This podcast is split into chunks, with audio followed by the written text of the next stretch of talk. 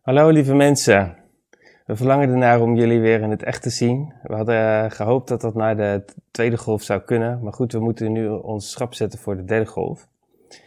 Um, maar niet getreurd, we blijven uh, online diensten en livestreams uh, op, de zondagen houden natuurlijk. En er komen ook wat uh, workshops aan die online doorgang vinden.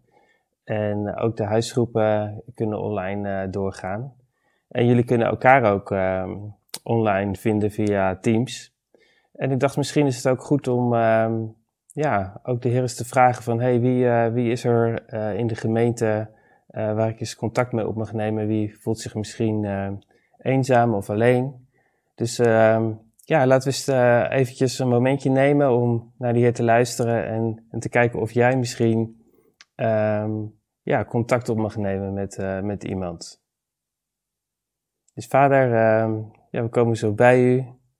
En uh, ja, ook in deze, deze rare tijd willen we met elkaar verbonden blijven en met u. En hier wilt u, um, wilt u ons iemand op het hart leggen die we van de week eens mogen bellen, een appje mogen sturen of eens een Teams-afspraak maken. In Jezus' naam. Dus luister gewoon uh, naar, naar de Heer en of Hij je iemand op je hart legt.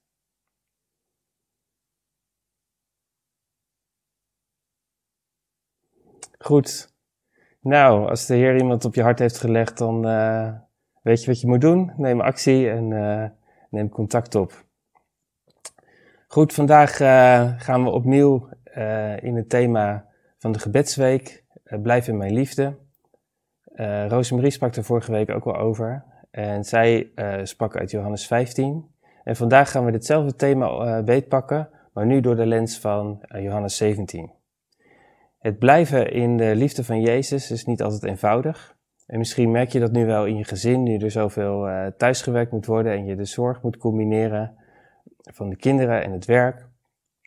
En uh, ja, als je even uit de liefde bent, dan, dan uh, weet je misschien wel, dan voelt alles even anders. En ehm, dan wordt het op een bepaalde manier zoegen. Nou, ook een recent voorbeeld uh, van alles wat er in Amerika gebeurt. De Amerikaanse maatschappij die heeft uh, de liefde voor verscheidenheid wel verloren, zou je kunnen zeggen. En, maar daarmee is ook uh, de liefde voor eenheid verloren gegaan. En een groeiend gebrek aan respect en waardering voor diversiteit en andere ideeën, dat heeft in de uh, afgelopen jaren een enorme kloof achtergelaten.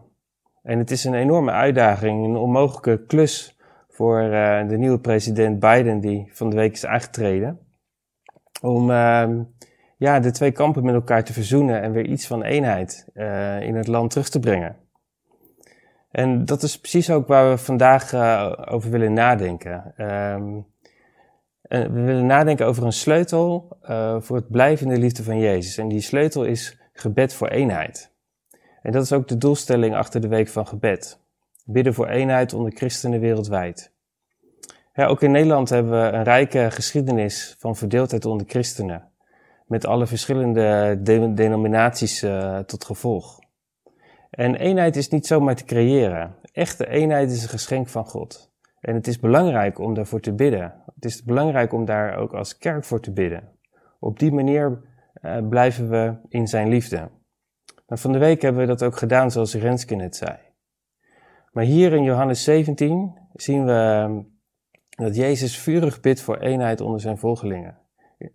En um, het stuk wat we straks gaan lezen in uh, Johannes 17, dat heet ook wel het hoge priesterlijk gebed. Um, maar goed, ik wil eerst eventjes wat toelichten uh, op de context. Zo, en dan gaan we het straks met elkaar lezen. Het is het langste gebed wat Jezus bidt in de Bijbel. En het uh, duurt wel 26 versen lang. Um, als we het zo gaan lezen, dan is het ook belangrijk om je te bedenken uh, dat Jezus dit gebed bidt uh, vlak voor zijn lijden en sterven. En um, het geeft een, echt een heel intiem inkijkje in de relatie die Jezus als mens heeft met zijn vader.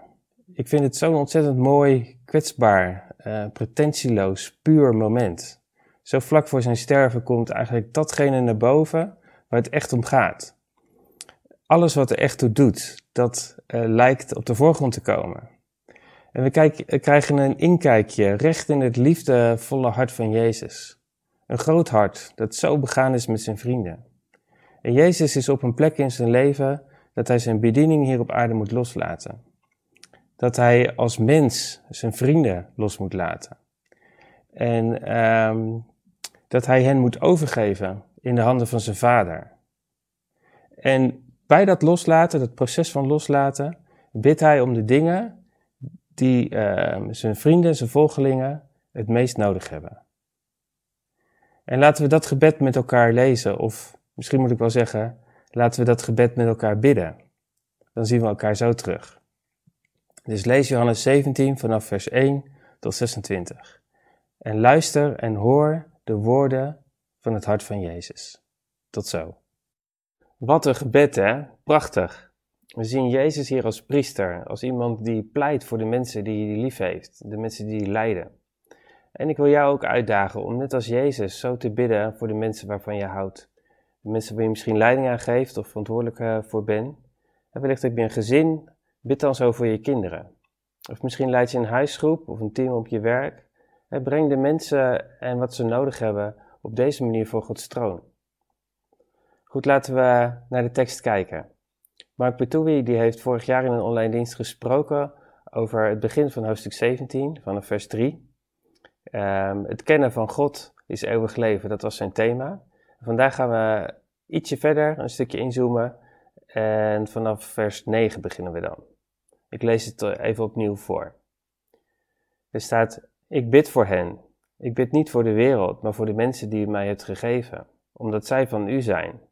Bewaar hen door uw naam, de naam die u ook aan mij gegeven hebt, zodat zij één zijn zoals wij één zijn. Dat staat in Johannes 17, vers 9. Een naam in de Bijbel die staat voor identiteit, voor wie iemand is. En in dit geval uh, wie God is. Maar wie is God? Vanuit de Bijbel weten we dat God liefde is, dat hij wijs is, dat hij heilig is, krachtig, alomtegenwoordig, alwetend. Hij is een genezend God. Hij verlost, hij troost, hij is overwinnaar. Hij is schepper van hemel en aarde. En ga zo maar door. Dus als Jezus dus hier bidt, uh, bewaar hen uh, door uw naam, dan bidt hij eigenlijk, bewaar hen door uw liefde, door uw wijsheid, door uw kracht, door uw alomtegenwoordigheid, uw alwetendheid. Bewaar hen door uw verlossing, uw troost, uw overwinning, uw scheppingskracht en veel verder maar in. In Spreuken 18 vers 10 daar staat, de naam van de Heer is een sterke toren. En Jezus pleit hier op die sterke toren. Wat in die tijd um, was een toren, zeg maar, een heel krachtig verdedigingswerk. En dat is de metafoor daarvoor. Het is een plek waar je kon vluchten en veiligheid kon vinden. Wat we hier in het gebed van Jezus zien is een inkijkje in een, ja, een volwassen gebedsleven. Zo'n enorm vertrouwen in de naam van God. Het is geen gebed vanuit zorg en paniek. Het is geen schietgebedje of een, uh, nou ja, een ophoop van zegen. Nee, we zien hier een diep vertrouwen in de Vader. Jezus die bidt voor zijn vrienden, voor zijn volgelingen. Heilige Vader, bewaar hen door uw naam. Nou, heel, heel eerlijk gezegd lukt het bijna niet altijd om vanuit zo'n plek van vertrouwen te bidden. soms komt gebed voort uit, um, ja, uit zorg of onvrede, frustratie wellicht. En dat is niet per se verkeerd. Hè? We mogen echt ons hart uitstorten voor God. Maar dan besef je um, dat Jezus uh, bidt vanuit zo'n stevig vertrouwen voor zijn vrienden. Hij pleit voor hen. En dat in een, uh, op een moment, in een situatie, dat zijn eigen leven ernstig gevaar loopt. En dan maakt me dat wel een beetje klein. Maar het maakt ook een verlangen in me los. Ja, zo wil ik ook zijn, zo wil ik ook kunnen vertrouwen. Ik wil daar naartoe groeien. Heer, help mij om zo te vertrouwen op uw naam. Ja, er raast een pandemie om, uh, om ons heen en we worden door de lockdown en de avondklok gedwongen om relaties en contacten voor dit moment los te laten. Nou, totdat het weer kan. En misschien maak jij ook wel zorgen over familie of vrienden die kwetsbaar zijn. Ehm, je kunt ze nu ook niet aanraken, je kunt ze nauwelijks bezoeken. En je moet ze eigenlijk op een bepaalde manier loslaten. Nou, misschien is dan juist dit gebed ook wel van toepassing. En waarom bid je dat niet voor hen? Heer, bewaar hen, bescherm hen in uw naam. Mag ik je uitdagen om, net als Jezus, te vertrouwen op de naam van God? Het gebed van Jezus laat zien dat hij in en door Gods kracht zijn vrienden heeft bewaard en over hen gewaakt, zolang hij bij hen was. En je vraagt je misschien af waarom, waarvoor, waartegen. Nou, dat wordt duidelijk in de, in de volgende versen, vers 14 en 15. Het gaat om eh, dat Jezus hen uh, beschermt uh, tegen de wereld, tegen het kwaad en de duivel. En in Romeinen 8, vers 34, daar lezen we dat Jezus nu aan de rechter, rechterhand van God is. En dat hij voor ons pleit. Jezus bidt nog steeds voor hen die aan hem zijn toevertrouwd, maar nu vanuit de hemel. En tijdens de voorbereiding van deze overdenking kwam het opnieuw heel erg bij me bidden.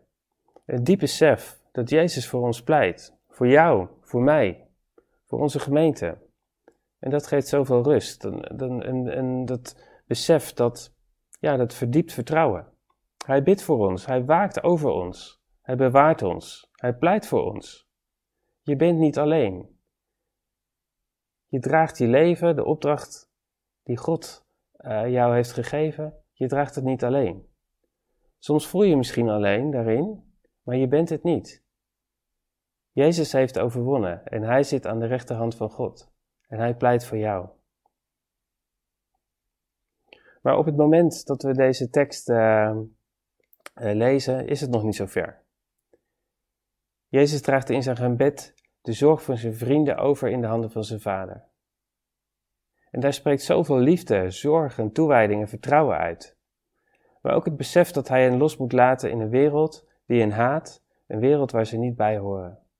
Een wereld waar de duivel actief is en rondgaat als een briestende leeuw. Maar als hij dat benoemt voor de troon van God, dan zien we Jezus opnieuw vol vertrouwen in de kracht van God. Hij bidt niet dat God hen uit die situatie weghaalt. Nee, hij bidt om bescherming tegen de duivel. En daar zien we een principe van Gods koninkrijk dat soms lastig te begrijpen is. Gods koninkrijk is een offensief koninkrijk waar bij het terugtrekken niet in het DNA zit. Het is Gods bedoeling om zijn oorspronkelijke plan met deze wereld te herstellen. Een plan waar geen ruimte is voor het kwaad en de duivel. Het is dus niet wij die uit de situatie gehaald moeten worden, maar het kwaad en de duivel zelf. Die moeten van het wereldtoneel verdwijnen. En Jezus kwam bij ons om daarmee af te rekenen en ons te tonen dat Gods kracht overwint. Dat betekent niet altijd dat wij uh, niet terecht kunnen komen in situaties van kwaad en lijden. die worden ons niet bespaard. Maar de eenheid met God, in alles en door alles heen, dat is waar Jezus bescherming over uitbidt. Wat er ook gebeurt, hoe de vijand ook tekeer gaat. Er is echt een soort ontastbare plek, een bubbel van liefdevolle eenheid voor God, van God voor jou en mij. Je moet je een beetje voorstellen, het is net als bij zo'n Marvel superheld. Hè? Het schild van Captain America, die houdt alles tegen. Er gebeurt van alles, de superheld maakt van alles mee, maar hij komt ongedeerd uit het gevecht. Als wij blijven in de liefdevolle eenheid, dan kan de vijand ons niet raken. En dit is niet alleen een plek uh, die er voor ons is als we ons terugtrekken in gebed of in tijd met God, maar dit is een realiteit die met ons meegaat, waar we ook gaan. En dit is ook de plek van waaruit we um, offensief woorden van waarheid mogen spreken in deze wereld en tegen deze wereld, tegen de mensen om ons heen. Jezus bidt verder, heilig hen door uw waarheid, door het woord.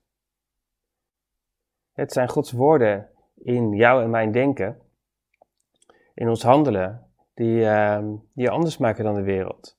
Als jouw denken, jouw willen, jouw voelen en je handelen is gevormd door Gods waarheid, dan zegt de Bijbel eigenlijk, dan ben je geheiligd. Dan ben je apart gezet. Dus waarheid um, maakt echt een onderscheid in de geestelijke wereld. Dus als die waarheid in ons denken, in ons voelen, in ons willen, in ons handelen stroomt, ja, dan gaat het vrucht dragen. Dan spreken we daarover, dan zien mensen dat. Een mens die leeft in eenheid met God, die wordt veranderd door eigenlijk al die mooie eigenschappen uh, die ik net opnoemde van, van wie God is. En dit intieme gebed van Jezus rondt hij af met een gebed om eenheid onder christenen. Vers 21. Laten we het lezen. Laat hen allen één zijn, Vader, zoals u in mij bent en ik in u. Laat hen zo ook in ons zijn, opdat de wereld gelooft dat u mij hebt gezonden. Ik heb hen laten delen in de grootheid die u mij gegeven hebt, opdat zij één zijn, zoals wij. Ik in hen en u in mij. Dan zullen zij volkomen één zijn en zal de wereld begrijpen dat u mij gezonden hebt. En dat u hen lief had, zoals u mij lief had. Eenheid met God leidt tot eenheid met mensen. Jezus bidt voor eenheid onder zijn volgelingen. Nou, Rosemarie uh, liet uh, vorige week in de, in de livestream dit plaatje zien, wat nu in beeld komt. Dus uh, stel je een cirkel voor met een middelpunt. Dan stel je voor dat die cirkel de wereld is, met God als centrum. In de cirkel lopen lijnen van de buitenkant naar het centrum. En deze stralen zijn de verschillende wegen of manieren waarop mensen leven. Naarmate mensen die uh, God willen naderen dichter bij dat middelpunt komen, komen ze dus ook dichter bij elkaar. En hoe dichter bij elkaar, hoe dichter bij God.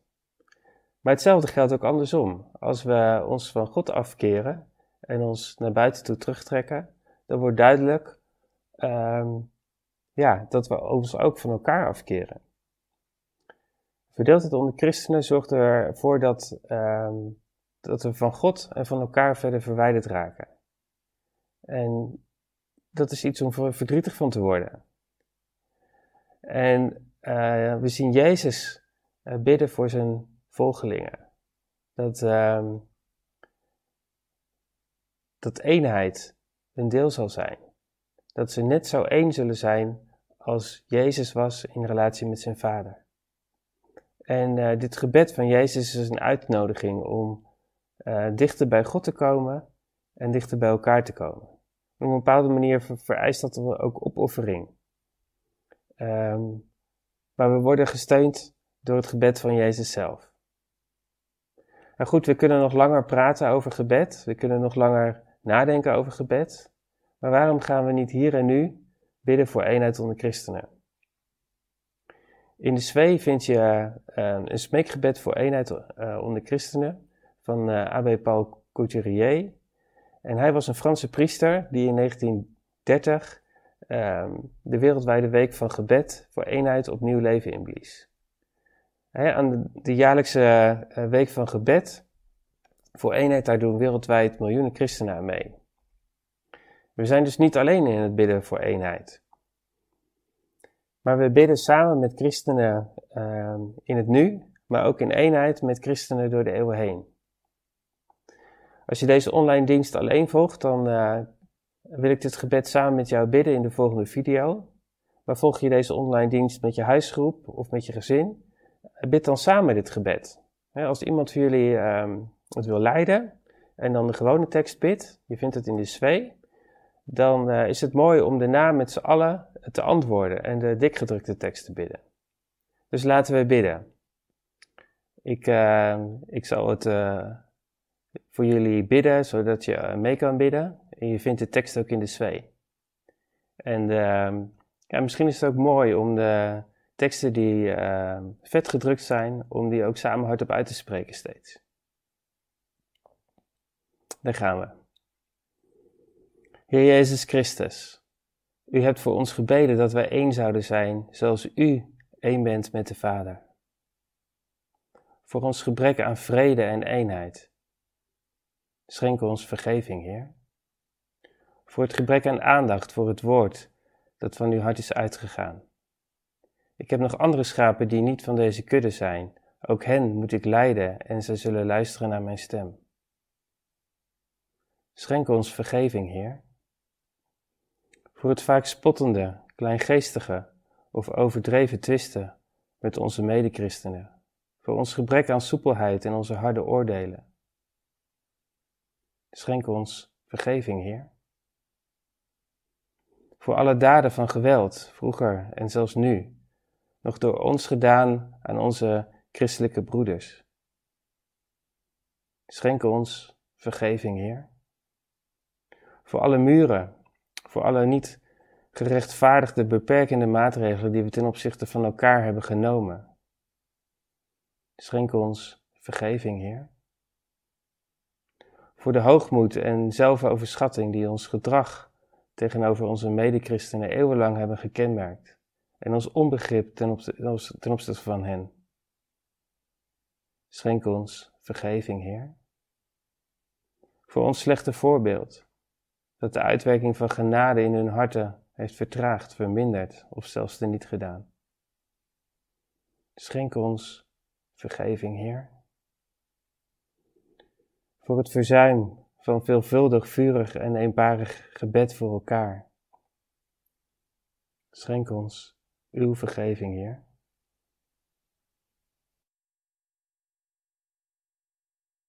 Ondanks de beperkingen van onze verstandelijke en geestelijke vermogens, leid ons tot eenheid, Heer. Ondanks onze verscheidenheid in gender, taal, ras en volk, leid ons tot eenheid, Heer. Ondanks onze onwetendheid, vooroordelen en natuurlijke afkeer, leid ons tot eenheid, Heer. Tot uw meerdere eer en glorie, leid ons tot eenheid, Heer. Omwille van de overtuiging van het goede en de waarheid, leid ons tot eenheid, Heer. Omdat er slechts één kudde zal zijn en één herder, leid ons tot eenheid, Heer om de hoogmoed van de duivelse machten te beschamen. Leid ons tot eenheid, Heer. Opdat er vrede zal heersen op aarde. Leid ons tot eenheid, Heer. Om het hart van uw Zoon te verblijden. Leid ons tot eenheid, Heer. Amen.